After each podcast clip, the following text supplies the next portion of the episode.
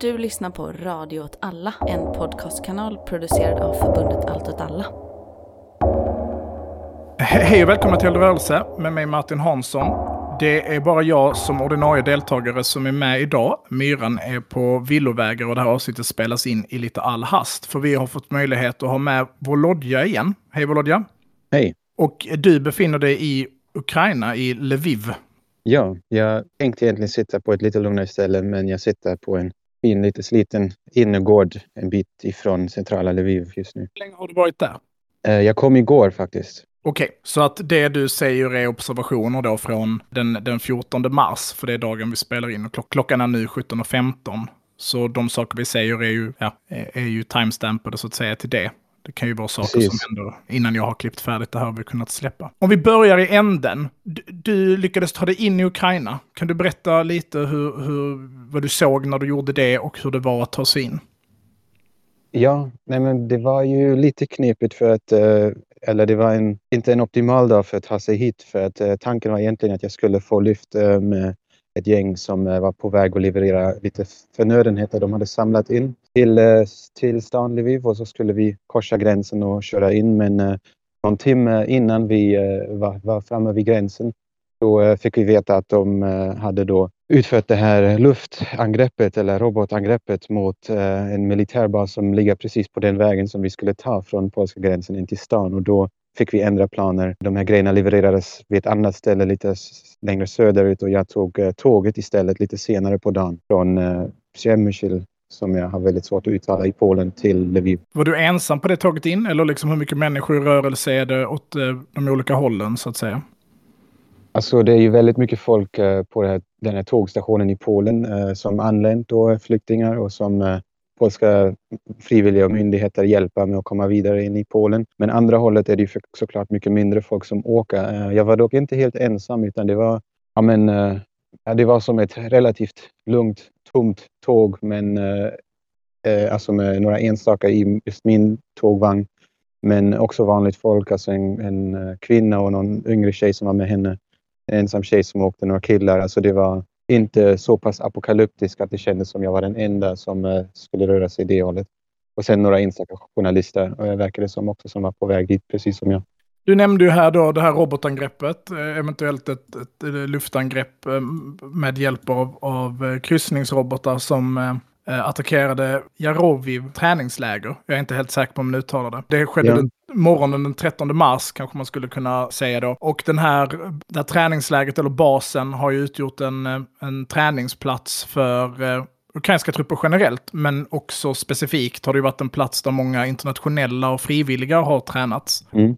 Och precis som du säger så ligger den ju, man kan väl säga att den ligger nord, nordväst om Lviv om jag inte misstar mig. Och, och då längs den vägen M10 som leder mellan Polen och Lviv. Har du sett, såg du liksom några effekter av den? Så att liksom med ambulanser eller? Nej, utan eh, eh, just det var ju anledningen till att vi inte tog den vägen med bilen. För att som jag förstår det hade det varit rätt så eh, meningslöst för att de tydligen, fick jag höra sen, hade spärrat av det i ganska stora, alltså ett stort område och det var jättemycket kaos med många ambulanser som körde fram och tillbaka där. Men jag såg inget av det själv eftersom eh, när jag sen tog tåget eh, senare på eh, kvällen då, då hade det eller då hade det hunnit bli ganska mörkt så jag, eh, när jag passerade där, det var väl, jag vet inte hur, det är några mil därifrån som tågspåret eh, går.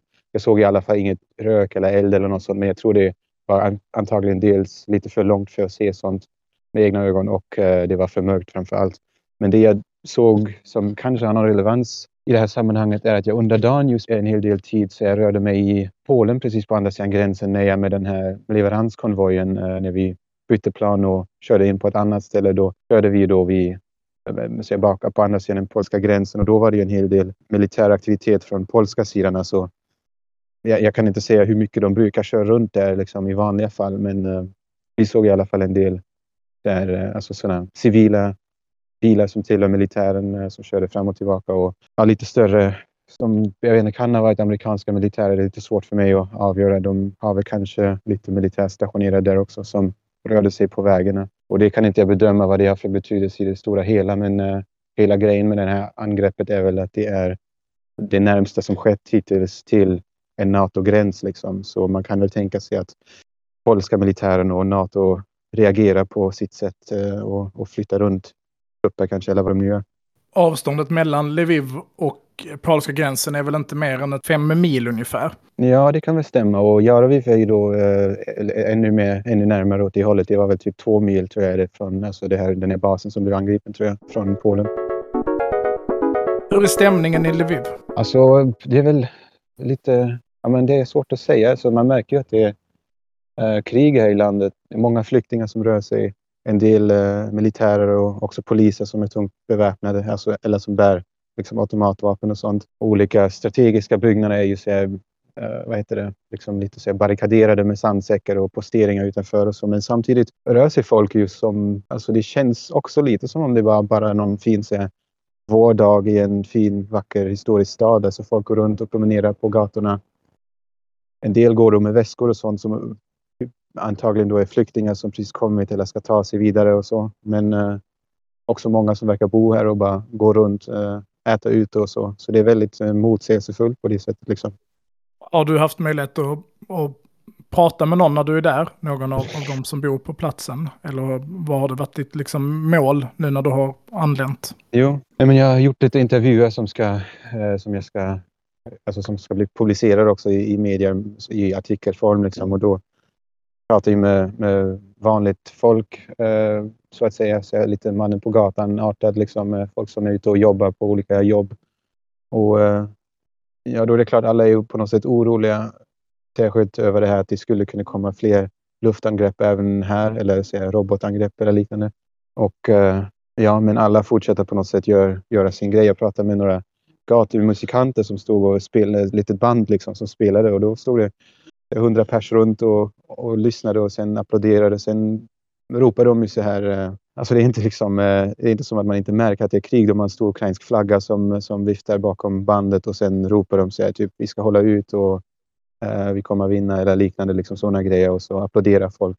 Och så är det så här Slava Ukraina, Geroim Slava, alltså det här slagordet som nu har blivit någon sorts nationell, uh, ja vad, ska, vad, kan, vad kallar man det, någon sorts motto för hela landets uh, kamp. Så ja, det, intressant. Jag var på en, eh, en presskonferens tidigare som ordnades lite i, som reaktion också på det angreppet av eh, borgmästaren bland annat som då uttalade sig och sa Alltså han gick inte in i så mycket detaljer kring själva det här angreppet vad jag förstod. Jag lyssnade på, eh, på ukrainska som jag inte alltid helt förstår vad de säger. Det är lite som att lyssna på en dansk prata om man är svensk. Lite så typ. Men eh, det han pratade om och upprepade sen också på engelska var liksom det här som man hört från, från en del politiker och presidenter, att man vill ha liksom mer stöd och att man, eh, ja, han, han pratade också en del om att han behövde mer stöd internationellt för att hantera flyktingsituationen, att det var hundratusentals här och att han ville ha internationella organisationer som skulle komma hit och hjälpa, inte bara på Zoom som han sa, utan också på plats. Eh, och eh, ja, undsätta den liksom ansträngda civila situationen med de här hundratusentals eh, flyktingar som tagit sig igenom stan eller också befinner sig. Jag tror han sa att det fanns, om jag, han sa över 100 000 eller om man till och med sa 200 000 finns i stan just nu medan han eh, alltså ytterligare över den vanliga befolkningen. Eh, och sen det, det är många som försöker ta sig vidare med tåget och andra färdmedel. Säg att Lviv med eh, liksom omkrets är väl en eh, 800 000 invånare. Någonting sånt. Så det är en ganska stor stad eh, i sig. Hur, hur, märker du av den, liksom, den humanitära situationen för flyktingar? Märker du av, liksom, eller hur syns det? Alltså den, ja, den har ju synts hela... Alltså jag reste ju hit landvägen då med en sån här hjälpleverans direkt från Sverige faktiskt. Och eh, då märkte man ju det. Redan i Warszawa var det ju eh, stora, så runt tågstationen är det jättemycket folk. Det finns flera så här um, humanitära alltså, center som har inrättats eh, där man tar emot folk. Och där ser man ju tusentals människor på gatorna. Man eh, såg det vid gränsområdena som vi rörde oss runt eh, när vi korsade gränsen eh, vid den här korsningen lite söder om Lviv. Där, där finns olika hjälporganisationer på, på polska sidan gränsen och sen massa folk och köande bilar på, på ukrainska sidan.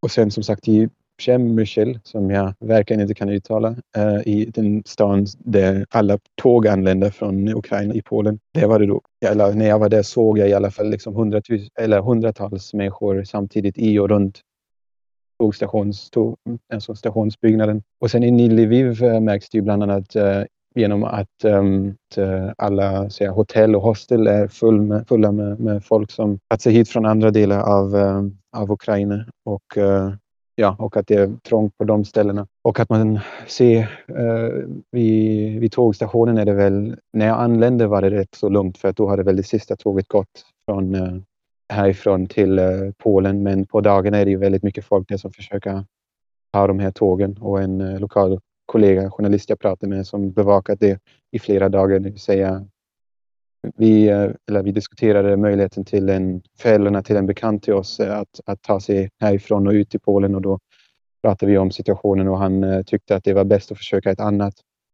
Så att ta en, en, det går bussar också som man kan köpa biljetter på eller säga, små bussar som fungerar som taxin typ till gränsen. Att det var bättre eftersom det han menar att han hade upplevt ganska så eh, hemska scener med folk som eh, ja, alltså väldigt stora mass, folkmassor och se föräldrar som tappar koll på sina barn och så på vägen när de försöker ta de här tågen och så. Så det, uh, det är fan. hemskt. Ja. Usch. Um, kanske svår fråga för dig att svara på, men liksom du beskriver att stämningen i staden är, är liksom någon blandat lugn. Det är ju rätt långt mellan Lviv till Kiev då och till någon väst, strax väster om Kiev där, det, där striderna ändå är väldigt aktiva. Men hur uppfattar du liksom, det är ju jättesvårt att svara på, men hur uppfattar du inställningen till, till kriget? Du beskriver att det här bandet liksom utropar någon typ av eh, eh slagord och så. Men har du någon bild av hur den vanliga människan på något sätt ser vilka utfall kriget skulle kunna ha? Om man kan uttrycka det på det sättet. Ja, det, jag försökte också så få en känsla för det um, genom de här möten som jag hunnit ha nu med folk här. Och det som jag tycker är intressant är att det, att det eh, också är väldigt, väldigt, väldigt blandat. Alltså när jag äh, var med när, de, när den här hjälpkonvojen lastade av grejerna som hade transporterats äh, till, äh, till gränsen i, i på förmiddagen igår, um, lite på det här stället lite söder om Lviv, då hade ju det här angreppet precis skett eh, som då var liksom en sorts eskalering av situationen för det här området Jag uppfattades det som för att det var det första större angreppet sedan början av kriget när de bombade flygplatsen här lite om jag minns rätt. Eh, så, så då, ja, då, då var det en del, alltså då kändes det som att stämningen just den morgonen och den dagen var rätt så upptrappat och, och en, en man som jag liksom, som diskuterade det här med andra kringstående, någon som var med och transporterade de här Eh, den här maten och medicinerna och sånt som hade levererats som, som skulle transportera det vidare in i landet. Så han, han, han hade, var liksom väldigt så att säga, pessimistisk och, och hade en viss alltså, för, förtvivlan i rösten och så jag oroade sig över att ska de fan börja bomba här också? Är det, hur mycket är det värt? Liksom, hur många fler ska dö innan de hittar på någon sorts kompromiss? Och då invände liksom andra som stod runt och var så vadå menar du att vi ska kapitulera och ge upp? Eller, och sen sa han att det var inte så han menade men att han, eh, han, han bara tycker det är så hemskt. Så han hade en ganska så pessimistisk inställning. Medan en annan kille som, som dök upp med en bil för att hämta grejer och köra vidare, de, han, han hade tvärt en helt eh, annan inställning och ja, ryssarna de, de kommer ingen vart. De, de håller ju typ mest på att försvara sig nu på de positionerna de har intagit. Det är bara en tidsfråga så slår vi tillbaka dem och han verkar inte alls vara lika orolig. Så det, det är liksom bredden på de olika upplevelserna, eh, skulle man kunna säga. Jag kan verkligen förstå att det är svårt när man befinner sig mitt i det. Det var, det var i, igår och till viss del idag så har du diskuterat att man har gjort genombrott i fredsförhandlingarna. Eventuellt ett eldupphör som kommer börja gälla inom någon dag. Det är verkligen spekulationer. Eh, Ryssland gick väl ut, eh, eh Slutski, eller vad han heter, gick ut och sa att den trodde på um, någon typ av skriftligt avtal inom tre dagar. Det tror jag inte ett skit på, men det kan vara värt att notera. Någonting prat liksom om, om den typen av frågor? Alltså det du beskriver är ändå någon som säger liksom, hur länge ska det här pågå? Eller liksom, vad är det värt och så? Har du hört något mm. samtal om det? Nej, jag, jag känner att det är svårt att uh, få någon känsla för det. Liksom. Nu, nu särskilt när jag liksom dykt in lite mer i det här på plats, liksom, då är det, tycker jag, eller för mig, är det svårare då att behålla någon sorts övergripande liksom, analys eller känsla för läget. Så uh, nu kan jag säga mer, tala utifrån folks känslor på plats. Och det, alltså, eller i alla fall inte hunnit ha den typen av diskussioner med människor, vad de känner eller upplever själva, vad som borde göras, vad Zelensky borde tacka ja eller nej till eller så. Så det är svårt kanske att svara på. När vi diskuterar och en av de frågor folk frågar mest om och som du har ju varit väldigt behjälplig och försökt svara på tidigare. Det är ju egentligen två saker. Det ena är eh, Azov och liksom eh, högerextremismen i, i Ukraina. Och den andra frågan är ju hur man, hur, hur man ser på ryssar generellt. Eh, Ja. Har du någon kommentar till någon av de frågorna nu när du befinner dig på plats? Jo, men alltså det här med högerextremisterna är kanske lite av en diskussion eh, för sig. Liksom, som, eh, och också återigen, eh, det som jag tror är mest relevant för folk här är ju verkligen inte de detaljerna som jag förstår liksom framstår ju som extremt viktiga när man tittar utifrån och ser, funderar över vad, vad Sverige ska göra och vem för Sverige ska eller inte ska skicka vapen till och så. Det är liksom det man kanske kan svara på det är bara att upplevelsen för, för väldigt många i landet här i Ukraina är ju att det handlar om liksom att det handlar på något sätt om liksom ett, ett, ett lands eh, överlevnad och liksom till och med liksom ett folks överlevnad och det kan man ju kanske tycka är lite väl liksom, alltså, så, alltså att, att, att, att vänta sig att typ eh, Ryssland skulle utplåna hela befolkningen här är ju kanske lite, kan man säga, överdrivet men, men det eh, kan man ju hoppas. Men liksom, det upplevs som liksom en detalj, alltså huruvida vissa av dem som strider har liksom vidriga eller flummiga åsikter är liksom inget som, som jag tror för vanligt folk är så centralt. Sen kan, alltså, kanske när jag hunnit så jag vet inte, komma tillbaka eller så och processa saker lite kan det vara intressant att ha en diskussion om allt det här med högerextremisternas roll och hur den kan tänkas förändras i och med kriget och så. Men eh, jag, jag vågar nästan inte gå in på det nu för att jag, jag är liksom rädd för att, eh, vad ska man säga, liksom komma med kommentarer som kan, som kan eh, ja, liksom tappa sin kontext eh, inom kort också. Helt enkelt för att det är en väldigt dynamisk situation. Liksom. Men eh, Jag tyckte det var ett, ett jätteklokt svar. Um, och det är helt i linje med det vi har har diskuterat tidigare. Jag tycker inte det är alls konstigt att du svarar så. Helt mitt perspektiv också. Så, nu får du gärna svara på Ja. deras bild av ryssar. Ja, nej, men, och på, på ett sätt precis kan det ju vara intressantare om man liksom är orolig på något sätt utifrån ett, alltså bortsett från kanske eventuella vapenleveranser och vilka händer olika vapen kan hamna i allt det här liksom, så kan det vara intressant att undra sig, eller det är en väldigt eh, central eller så, avgörande fråga på något sätt hur allt det här liksom påverkar folks syn på, så här, ja, på människor liksom, och folk och så. Alltså, jag får, får, får ju samma liksom, grejer jag ser på, på sociala medier som jag ser lite om hur, hur det är olika du, hur är det med ljudet här nu? Nu står det någon bil här och, och går. Ja, är det okej? Bra, bara kör på. Bara kör på. Okej. Nej, men jag ser ju eh, precis som, som liksom alla andra på sociala medier olika anekdoter kring att, att alltså idiotiska, jag vet inte, så bojkottgrejer som verkar rikta sig mot liksom ryss, ryssar som människor eller så rysk kultur eller så på, på olika platser i typ Europa eller i väst eller så. Eh, sen här på plats, ehm, eller liksom också hur allt det här, liksom, det här kriget påverkar och inverkar på sådana sorts eh, syn på andra människor och människor från olika länder och folk. Liksom. Det, det är ju tyvärr en väldigt så här, viktig diskussion på ett sätt som kommer att pågå länge tror jag. Men här på plats märker man ju att folk, eh, att det finns en viss eh, noja och så här, paranoia kring, kring att det skulle kunna finnas så här, ryska eller proryska liksom, så här, eh, sabotörer och infiltratörer och så som, som vissa kan reagera på har jag märkt när jag börjar prata ryska med folk. Så kan vissa vara så här, lite skeptiska till att börja med. Sen märker de ju efter en liten stund att jag kanske inte, inte pratar ryska som första språk heller. Så det, det gör jag ju sen och öppnar för en diskussion och säger vad min bakgrund är och då sen tappar, tappar de väl nojan lite grann då. Ehm, men eh, samtidigt så finns det en nojan också bortsett från så här, till, alltså etnisk tillhörighet eller så. så här, när jag tog några bilder eh, igår då eh, fanns det någon som var orolig över att jag eventuellt skulle kunna fota så här, strategiska objekt, vilket ju alltid såklart är en oro i krigstider. Och då, eh, då var det mer, då blev det plötsligt en diskussion om min, eh, min, liksom, eh, min tyska bakgrund och att det kanske skulle hamna i en tysk i tyska medier för att, eh, och det var då inställningen från den här personen att Tyskland ju kanske också är fientlig för att de hade då hört på något sätt att Tyskland skulle leverera hjälpsändningar till Ryssland. Och det vet jag inte vad det bygger på, vad det är för rykte eller om det har funnits några uppgifter om att jag vet inte, några pro, pro-ryska grupper eller så i Tyskland skulle börja stötta den ryska sidan eller något. Det har jag i så fall missat men eh, det visar ju på ett sätt bara liksom att eh, så, den typen av oro och noja kan, kan liksom lätt eh, komma till tal eller komma upp i sådana här situationer när många är spända och, och liksom, eh, ja, oroliga. Vi ska alldeles strax avsluta här. Jag bara vill prata lite om vad dina vidare planer nu. Um, jo, men uh, jag tänker inte röra mig vidare in i landet eller så utifrån uh, ja, men, säkerhetsavväganden. Jag är liksom inte så här krigsreporter som ska hitta ett gäng hundar också som skäller. Låta dem gå förbi. Ingen fara, bara kör på. De är väldigt gulliga i alla fall, men uh, vaksamma och ska vakta sin gård här. Um, jo, men jag ska inte dra vidare närmare fronten eller så, utan jag ska hålla Eh, mig till Lviv de här kommande dagarna, någon vecka kanske eller så. Och, och sen tänker jag eh, lämna landet igen. Och eh, det kan ju vara så om det skulle bli någon sorts militär eskalation här omkring, alltså med fler angrepp och särskilt om det skulle bli angrepp på civila mål, då kan det nog bli aktuellt för mig att lämna tidigare också. Men ja, det är planen ungefär. Kanske ska passa på att beskriva lite lägesutvecklingen de senaste dagarna för våra lyssnare. Det var ju ett tag sedan vi släppte ett, ett avsnitt. Så är väl situationen att precis som vi förutspådde så, så har den ryska offensiven stannat av lite och de mål de har inringat, de tätorter som är belägrade,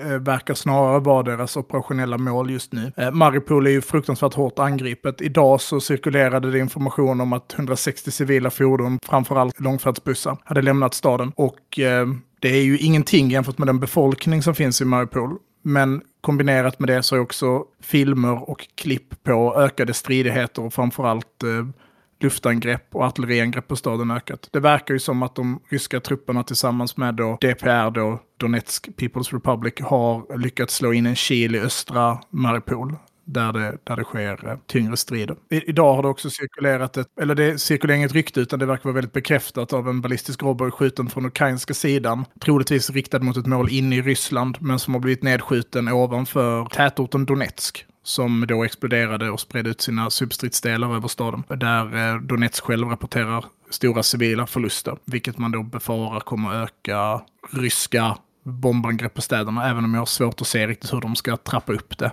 ur det läget som det är just nu. Ja, nej, och det är alltså allt som pågår där längre österut är ju verkligen det som, eh, som många här Många här är upptagna med att, att tänka över eh, både folk jag pratar med i Polen som redan hade flytt och sen folk här i stan som kommer från andra delar av landet. Alltså, det är ju väldigt många här som kommer från Kiev eller Charkov eller träffade pratade med en kille som ursprungligen är från eh, Mariupol också som hade flyttat hit för att plugga för ett antal år sedan. Liksom, eh, och det märker man ju när jag frågar sig var, var är ni ifrån och så, så säger de de städerna. Då ser man ju på, på dem bara liksom den oron som, eh, som de går runt med vad gäller alltså antingen släktingar eller vänner som är kvar där eller, eller vad, vad som har hänt med deras hus och, och arbetsplatser och så. En kvinna jag pratade med som som eh, är sjuksyrra vanligtvis i Kiev berättat att hela den kliniken där hon jobbar redan är förintat och, och allt det där liksom är ju, ser man på folk hur svårt det är att processa bara. Eh, så att det nästan är, är mer påtagligt än, än oron kanske för folk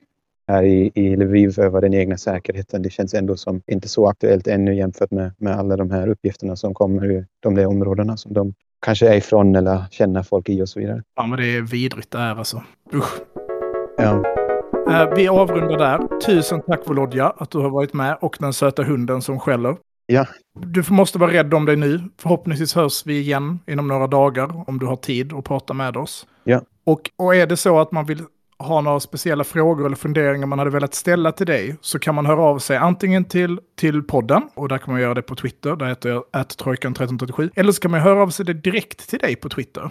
Eller hur? Ja, utan några löften att jag kommer hinna svara på frågor, Nej. men man kan ju i alla fall försöka det och så ska jag se vad jag kan göra. Och där heter du Volodja uh, Wagner. Vi länkar det i, i det här eh, inlägget. Och eller ska man höra av sig till vår Facebook, där heter vi eld och rörelse, eller på vår fantastiska Instagram som heter eld.och.rörelse, eller rörelse då. Uh, jag kan lägga till om det, eller? Ja, kör!